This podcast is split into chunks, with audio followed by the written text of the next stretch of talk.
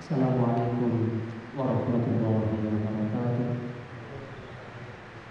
Alhamdulillahirabbil alamin. Wassalatu wassalamu ala asyrofil anbiya'i wal mursalin sayyidina wa maulana Muhammadin wa ala alihi wa sahbihi ajma'in. Alhamdulillah pada sore hari ini kita masih diberi kesempatan oleh Allah atas berbagai macam nikmatnya kita masih dimudahkan oleh Allah untuk mengkaji ilmunya Allah. Mari kita lanjutkan kajian kitab kita, kitab Arba'in Nawawi. Kitab ini disusun oleh Al-Imam Abi Zakaria Yahya An-Nawawi. Itu beliau hidup pada zaman 670-an Hijriah. 670-an Hijriah. 600 600-an 600 Hijriah. Wafatnya 676. Wafat 676 Hijriah beliau wafat. Berarti setelah kurunnya sahabat jauh, jauh sahabat tabi'in, tabi'in, tabi'in. Itu beliau semasa hidupnya itu Syekh Al-Imam Syarfuddin Yahya bin An-Nawawi. Mari kita lanjutkan dalam hadis yang ke-22. Al-haditsu tsani wal ishrun. Al-haditsu tsani hadis yang kedua wal ishrun dan yang ke-20. Maksudnya ke-22. Al-haditsu tsani wal ishrun hadis yang ke-22. An Abi Abdillah diceritakan dari Abi Abdillah Jabir bin Abdillah yaitu Jabir bin Abdillah. Nama lainnya Jabir bin Abdillah itu Abi Abdillah. Jabir bin Abdillah. Al-Ansori yaitu sahabat Ansor. Jabir bin Abdillah bangsa Ansor. Orang yang asli penduduk Madinah yang menjemput kaum muhajirin radhiyallahu anhum anna rajulan sesungguhnya satu seorang laki-laki. Anna rajulan sesungguhnya seorang laki-laki itu saala pernah bertanya kepada Rasulullah Shallallahu Alaihi Wasallam. Satu laki-laki pernah bertanya kepada Rasulullah Shallallahu Alaihi Wasallam. Fakola Rajulan tersebut berkata Aro'aita idha sholaitu al-maktubat Aro'aita Adakah engkau ya Rasul? Ini tanyanya seorang Rasul kepada Rasul. Idha sholaitu Ketika saya sudah melakukan sholat. Al-maktubati itu sholat yang bangsa fardu. Sholat lima waktu maksudnya Idza sholaitul maktubati ketika saya telah melaksanakan sholat lima waktu. Ketika saya telah melaksanakan sholat fardu. Wasumtu ramadhana dan saya telah melaksanakan puasa Ramadan wa ahlaltu al halala dan saya telah menghalalkan sesuatu yang halal. Wa harramtul harama dan saya telah mengharamkan apa yang telah diharamkan oleh Allah dan Rasulnya seorang laki-laki sowan ke Rasulullah. Dia mengucapkan bahwa saya telah melaksanakan sholat fardu. Saya telah melaksanakan puasa Ramadan. Dan saya menghalalkan apa yang telah dihalalkan. Dan saya mengharamkan apa yang telah diharamkan maksudnya menjalankan apa yang diperintahkan dan menjauhi apa yang telah diharamkan. Walam azid. Dan saya tidak akan menambah sesuatu. Ala zalika atas yang tadi. Ala dalika atas yang semua itu. Maksudnya tidak menambahkan kecuali yang fardu tadi. Sholat fardu puasa fardu dan menghalalkan apa yang halal mengharam apa yang haram. Syai'an suatu apa pun. Adkhulul jannata apakah saya akan masuk surga ya Rasul? Ini kata Rasul adkhulul jannata apakah saya akan masuk surga? Qala Rasul menjawab na'am. Ya Naam ya, ini adalah jaminan kita, jaminannya Rasulullah SAW. Apabila seorang seseorang di antara kita, di antara orang Muslim yang telah melaksanakan sholat fardu, puasa fardu, dan menghalalkan apa yang halal, mengharamkan apa yang haram, sudah ada jaminan dari Rasulullah pasti adkhulul jannah. Naam kata, kata Nabi, naam pasti iya. Nah tugas kita itu melaksanakan yang fardu dulu, yang fardu dipentingkan dulu. Sholatnya yang lima, sholatnya cuma lima sehari semalam. Subuh, zuhur, asar, maghrib, isya. Puasa Ramadan. Setahun cuma satu bulan. Cuma satu bulan. Menghalalkan apa yang halal dan mengharamkan apa yang haram. Itu jaminan Nabi adkhul jannah pasti masuk surga. Pasti masuk surga. Kalau ceritanya dia banyak dosa, banyak kesalahan, ya tentunya akan dapat konsekuensinya sebelum masuk surga ya nyicipi dulu di neraka itu kan. Tapi pasti masuk surga. Pasti masuk surga. Di neraka nggak akan selamanya. Adkhul jannah, na'am. Rawahu Muslim diriwayatkan oleh Imam Muslim. Wa makna haramtul haram, adapun makna lafal haram tu haram itu ajtanabtuhu menjauhkan saya dari apa yang telah diharamkan. Wa makna ahlaltul halal, adapun makna ahlaltul halal fa'altuhu saya melaksanakan apa yang telah dihalalkan mu'taqidan dengan iktikad dan keyakinan bahwa itu hillahu halalnya halal. Kita ikhtiar di dunia ini banyak sekali ya, apa yang kita yakini itu halal, ya itu halal. Pasti halal itu. Tapi kalau sudah jelas-jelas itu haram, ya jangan dekat, jangan jangan makan yang haram. Contoh-contoh ya, contoh. Di daerah kita mayoritas muslim, kita pergi ke pasar mencari misal ayam potong gitu kan ayam potong kalau mayoritas di daerah kita itu orang muslim kita dan muktakidan yakinlah bahwa yang dipotong itu ayam itu yang potong itu orang muslim. Harus iktikad harus harus yakin oh berarti sembelihannya orang muslim itu halal pasti halal.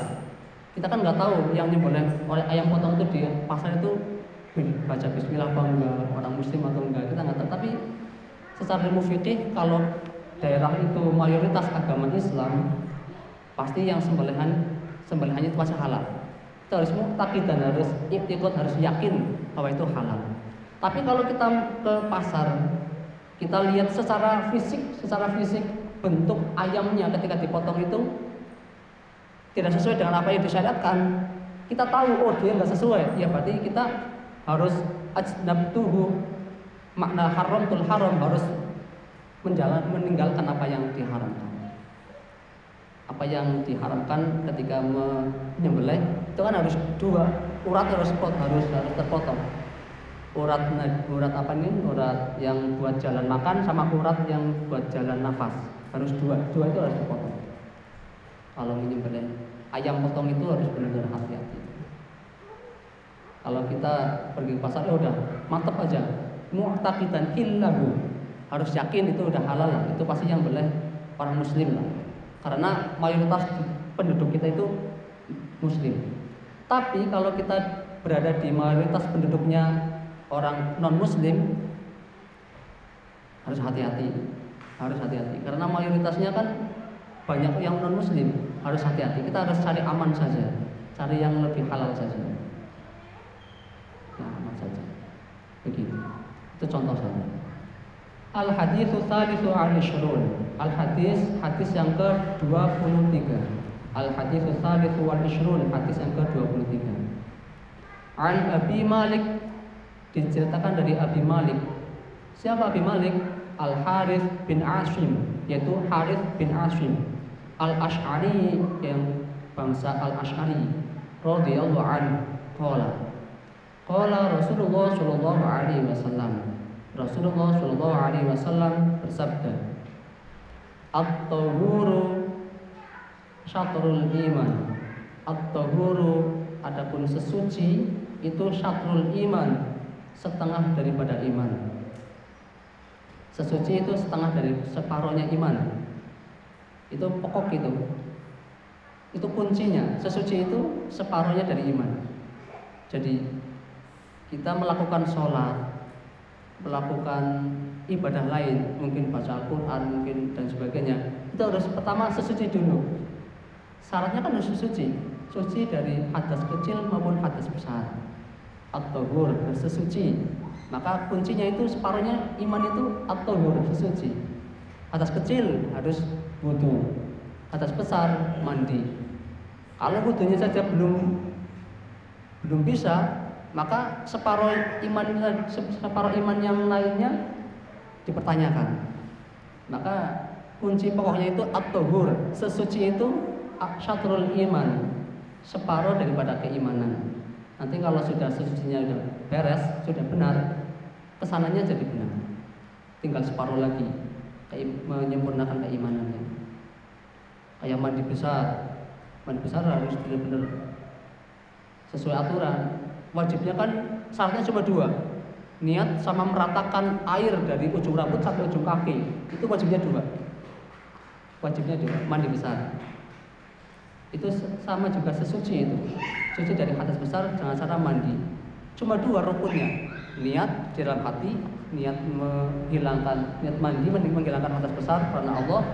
Yang kedua, dari ujung rambut sampai ujung kaki harus kena air semua nggak harus pakai sabun kalau nggak pakai sabun nggak apa-apa gitu. yang penting kena air semua itu.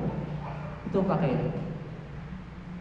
Butuh butuh juga sesuci. Nanti suatu saat kita akan bahas tentang itu. Kalau ini sudah selesai kita berikutnya insya Allah. Walhamdulillah lafal alhamdulillah itu tamlaul mizan. Bisa memenuhi timbangan Alhamdulillah tamlaul mizan bisa memenuhi timbangan mizan kita. Bisa diartikan secara letterlek kita diperintahkan membaca alhamdulillah alhamdulillah terus dalam arti zikir pada Allah. Kalau makna makna yang tidak tersurat, makna yang tersirat, walhamdulillah kita harus bersyukur pada Allah. Harus benar-benar bersyukur kita hidup dalam Allah itu bisa tamlaul mizan, bisa memberatkan timbangan kita, amal baik kita. Kalau kita bersyukur, pasti apa pun yang kita lakukan di dunia ini akan enak. Itu menjadikan tamlakul mizan. Menjadikan timbangan kita akan penuh dengan kebaikan. Itu makna yang tersirat. Kalau makna yang tersurat, alhamdulillah kita diperintahkan untuk berzikir. Alhamdulillah nikmatnya sangat banyak itu kan. Alhamdulillah terus. Baik dalam zikir bil lisan baik dengan lisan atau bil janan dalam hati atau bil arkan dengan perbuatan kita. Itu makna yang tersurat dan tersirat. Wa subhanallah dan lafal subhanallah walhamdulillah. Tamlaani bisa memenuhi dua-duanya atau tamla'u atau memenuhi ma sama suatu yang ada di antara langit wal ardi dan bumi.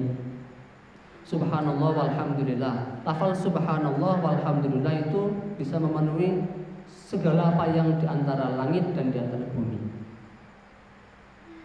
Maknanya tadi sama, bisa diartikan dengan zikir zikrullah atau dengan cara subhanallah memuji atau dengan cara subhanallah itu kata-kata yang kita kagum dengan ciptaan Allah Walhamdulillah sama. Memuji dengan segala Tidak ada pujian kecuali Allah. Tidak ada wajib disembah kecuali Allah. Subhanallah maha suci Allah Walhamdulillah segala puji bagi milik Allah. Itu makna yang tersurat bahwa kita diperintahkan untuk berpikir kepada Allah Dan makna yang tersirat Kita harus kagum dengan ciptaan Allah Dan harus bersyukur apa yang telah di diterima oleh Allah, diterima semua apa yang telah kita terima oleh Allah, diterima dari Allah Subhanahu wa taala. Yang Allah berikan kepada kita semua. Itu tamla'u ma baina sama wal ard. Bisa memenuhi apa yang semua ada di langit dan di bumi. Washolatu, sholat itu nurun. Jadi cahaya. Washolatu nurun dari cahaya. Cahaya bisa inner beauty kita. Cahaya, semua cahaya ditafsiri bahwa nanti kalau kita ada yaumul ba'ats, hari kebangkitan itu ada bedanya. Bedanya orang yang sholat dengan orang yang tidak melakukan sholat. Kalau kita dibangkitkan dari alam kubur, suatu kitab di situ diterangkan bahwa orang yang sholat itu pasti ada bercahaya, sinar bersinar wajahnya. Karena itu sering melakukan wudhu dan sebagainya itu pasti bersinar. Tapi kalau yang tidak melakukan sholat, tidak wudhu, ya tidak bersinar, yaitu bahkan mohon maaf mungkin dengan rupa yang binatang dan sebagainya. Itu aswatu nurun jadi cahaya kita. Jadi cahaya aswatu nurun. Suatu menjadikan kita bercahaya. Wasodako itu burhan. Sodako itu menjadikan hujah atau burhan. Wasobru diaun sabar itu menjadikan kita terang hatinya. Kalau kita sabar pasti terang hatinya. Wal Quran hujatun Al-Quran juga menjadi hujah laka au alaika. Bermanfaat untukmu au alaika. Atau menjadikan madorot untukmu. Lafal laka dan alaika itu sama-sama jar tapi beda artinya laka itu artinya manfaat untukmu au alaika atau menjadi madorot untukmu Al-Quran itu bisa menjadi manfaat bisa menjadi madorot artinya seperti itu jadi manfaat gimana? Kita mempelajari Al-Quran. Setelah mempelajari, tinggal mengamalkan. Sudah tahu artinya, maksudnya sudah tahu artinya tinggal mengamalkan. Tapi kalau wa'alaika bisa jadi menjadi madorot, sudah mempelajari Al-Quran, tapi tidak mau mengamalkannya. Itu menjadikan wa'alaika. Al-Quran jadi madorot untukmu. Kullun nas, setiap manusia itu yaghdu pergi pagi-pagi. Yang itu artinya pergi pagi-pagi. Faba'i'un nafsahu famu'taqiha au au. Ini ungkapan, ungkapannya orang-orang Arab itu seperti ini. Kullu nas yaghdu faba'i'un nafsahu. Setiap pagi itu kita berpergian untuk apa?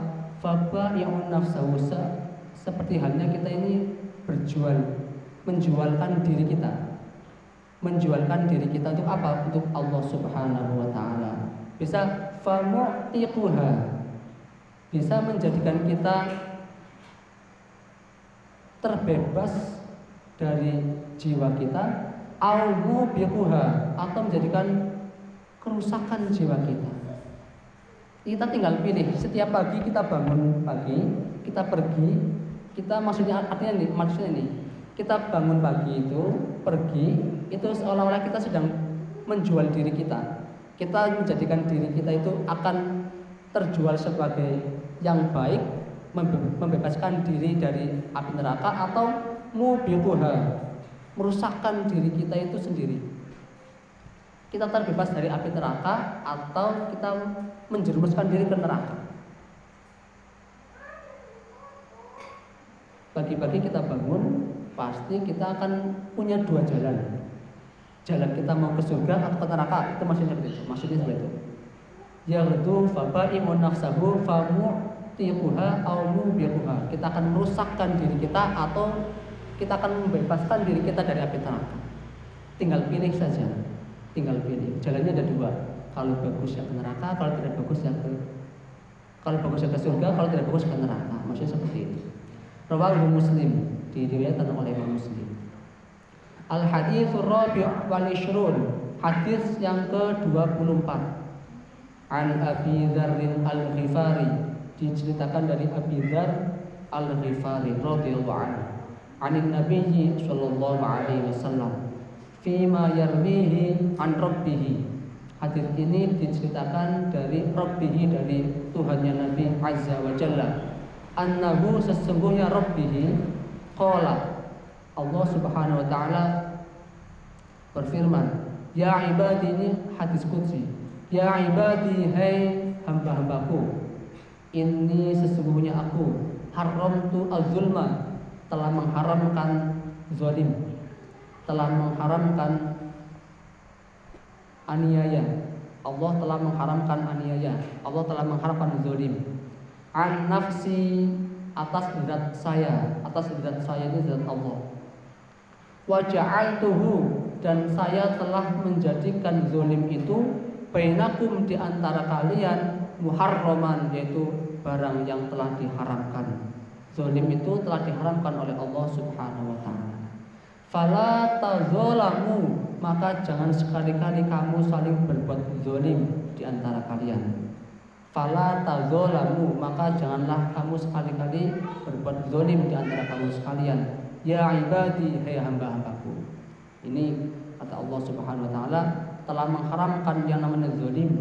Maka kita diharamkan Muharraman kan ini kata muharraman diharapkan untuk berbuat zolim di antara kita semua.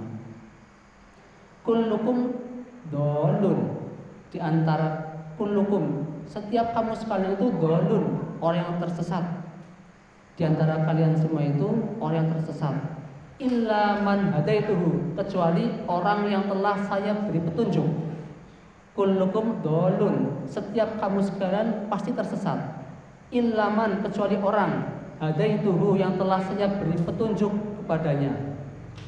Fastahduni maka mintalah petunjuk kalian kepadaku. Tidak bisa minta petunjuk ke selain Allah. Yang memberi petunjuk pasti Allah Subhanahu wa taala. Ahdikum pasti saya akan memberikan petunjuk kepada kamu sekalian. Kullukum dolun illa man setiap orang pasti sesat kecuali illa man itu kecuali orang yang tidak tersesat yaitu orang yang telah mendapatkan hidayah oleh Allah. Fastahduni maka mintalah hidayah, mintalah petunjuk kepadaku. Ahdikum pasti aku akan memberi, akan memberikan hidayah kepada kamu sekalian. Ya ibadi, hei hamba-hambaku, kata Allah, kullukum jai'un. Setiap kamu sekalian itu jai'un, pasti kelaparan. Jai'un artinya kelaparan. Ilaman at'amtuhu kecuali orang yang telah saya beri makan. Jadi ini itikot kita, keyakinan kita. Tidak ada yang memberikan hidayah kecuali Allah, tidak ada yang memberikan uh, makanan kecuali Allah. Seorang orang pasti kelaparan, hanya Allah lah yang memberikan makanan. Fastab'imuni ut'imkum mintalah makan kepadaku ut'aimkum maka aku akan memberikan makanan kepada kamu sekalian. Ini istilahnya iman kita harus benar-benar terjaga kuat. Tidak ada yang memberikan hidayah kecuali Allah. Tidak ada yang memberikan rasa kenyang kecuali Allah. Tentunya kita harus ikhtiar. Kalau mencari mencari makan ya harus ikhtiar harus bekerja kalau lapar terus dia harus bekerja cari cari makanan. Pasti Allah akan memberikan jalannya. Ya ibadi hai hamba-hambaku, kullukum arin. Setiap kamu sekalian itu pasti arin. Arin itu tidak berpakaian. Arin orang yang tidak berpakaian. Ilaman kasautuhu kecuali orang yang telah saya berikan pakaian kepadanya. Ilaman kasautuhu kecuali orang yang telah saya berikan pakaian kepadanya. Kita ingat ketika kita baru lahir, kita dalam keadaan telanjang, tidak berpakaian. Ketika kita baru lahir di dunia ya, datang ke dunia telanjang, tidak makan, kan pasti kelaparan kan? Allah yang memberikan makan, Allah yang memberikan pakaian kepada kita semua. Fastaksuni maka mintalah pakaian kamu sekalian kepadaku aksiku maka saya akan memberikan pakaian kepada kamu. Ya ibadi yang selanjutnya hai hamba-hambaku innakum tuhtiuna sesungguhnya kamu sekalian tuhtiuna berbuat kesalahan. Khotok khotok itu berbuat kesalahan. Tuhtiuna pasti berbuat kesalahan. Bil laili nahar baik dalam malam maupun di siang hari Pasti kita. Karena kita punya musuh. Bukan cuma musuh yang tampak, pasti yang tidak tampak. Musuhnya apa? Syaitan. Terus hawa nafsu kita, itu musuh kita. Minal jinnati wan nas dari jin dan manusia. Pasti kita berbuat tuhtiuna kesalahan. baik di dalam malam maupun wan nahar billaili wan nahar wa ana adapun saya aghfiru dzunuba zat yang mengampuni dosa-dosa jami'an semuanya. Kata Allah fastaghfiruni maka mintalah ampun kalian kepadaku. Aghfir lakum maka saya akan mengampuni kamu sekalian. Tugas kita minta ampun kepada Allah. Wong sehari semalam pasti kita tidak sepi dari yang namanya kesalahan. Tugas kita fastaghfiruni aghfir lakum. Mintalah ampun kepada Allah pasti Allah akan mengampuni kita. Ya ibadi hai hamba-hambaku innakum sesungguhnya kalian semua lanta benuhu durri. Tidak akan sampai kepada kalian durri suatu bahaya. Tidak akan sampai satu kalian durri kebahayaan mara bahaya fatadurruni. Maka mintalah mintalah apa ya, penjagaan dari mara bahaya kepadaku. Kamu sekalian tidak akan sampai mendapat mara bahaya. Fatadurruni maka mintalah minta minta tidak dikasih mara bahaya oleh Allah. Mintalah kepadaku kata Allah.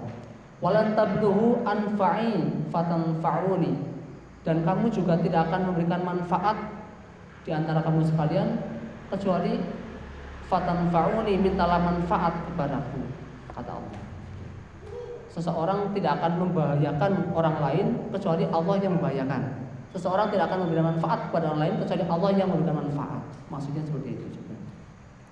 Ya ibadi ya hamba-hambaku lau anna awwalakum wa akhirakum jika orang-orang dari awal sampai akhir dari di dunia ini wa insakum dan semua manusia wa jinnakum dan semua jin kanu ala atqa qalbi rajulin wahidin minkum. Jika dari awal sampai akhir di dunia ini baik manusia maupun jin itu bertakwa semua kepada Allah ma dzalika fi mulki maka ketakwaan itu tidak akan menambahkan rasa derajat kuasanya Allah fi mulki dengan istannya Allah syai'an sesuatu apa pun.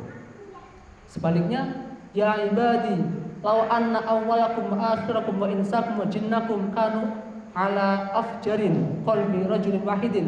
Sebaliknya jika semua manusia baik jin dan manusia dari awal sampai akhir itu afjur dalam dalam artian tidak bertakwa pada Allah semua jelek semua semua kufur semua itu terusannya mana posodalika fi mulki tidak akan mengurangi sifat mulianya Allah syai'an suatu apa pun. Jadi Allah tetap mulia meskipun semua manusia itu durhaka. Dan Allah tetap mulia meskipun semua manusia beribadah semua tetap manusia tidak akan menambahkan kemuliaan Allah. Allah tetap mulia tetap mulia. Ya ibadi hai hamba-hambaku bahwa anna awalakum wa akhirakum wa insakum wa jinnakum qamu fi su'idin wahidin. Jika dari awal sampai akhir jin dan manusia itu qamu fi su'idin. Qamu fi su'idin ini artinya naik di su'idin tempat yang tinggi. Fas'aluni maka dia itu akan minta sesuatu kepada Allah kepadaku. Fa'ataitu maka aku akan memberikan kulla wahidin setiap setiap seorang mas tahu apa yang telah dia minta kepadaku. Dan dia minta mana kami mimma indi tidak akan mengurangi sifat mulianya Allah juga. Illa kama yang kusu al muhid seperti halnya satu jarum dimasukkan ke dalam lautan itu pasti airnya sangat kecil sekali. Jika semua orang di dunia ini minta kepada Allah, itu dikasihkan oleh Allah, itu tidak akan mengurangi kekuasaan Allah. Seperti jarum yang dimasukkan ke dalam lautan, itu airnya kecil banget. Itu kuasanya Allah. Itu benar-benar Allah yang maha kuasa. Tidak akan mengurangi sifat mulianya Allah Subhanahu wa taala. Fal yahmidillah, maka kita harus senantiasa memuji pada Allah Wa man wajada ghairu dzalika fala yalumanna illa nafsahu. Ketika kita mendapatkan kebaikan itu berarti dari Allah dan kita ketika kita wajada ghairu dzalik ketika tidak mendapatkan kebaikan fala yalumanna illa nafsahu. Ketika kita mendapatkan madorot kembalilah kepada nafsahu hati kita diri kita mungkin harus introspeksi mungkin kita salah mungkin kita ada yang kurang maka kita sedang diuji oleh Allah. Seperti itu. Al hadithul khams ishrin hadis yang ke 25 al hadithul khamis wal ishrun an abi dzarrin diceritakan dari abi dzar radhiyallahu anhu. Anna unasan sesungguhnya manusia min ashabi Rasulillah dari sahabat-sahabat Rasulullah Shallallahu Alaihi Wasallam. Qalu lin Nabi unasan tadi sahabat-sahabat Nabi itu berkata kepada Nabi, Ya Rasulullah, ya Rasulullah. Beberapa sahabat mengadu kepada Rasulullah Shallallahu Alaihi Wasallam. Ya Rasulullah, zahaba ahli dusur. Zahaba pergi. Siapa yang pergi?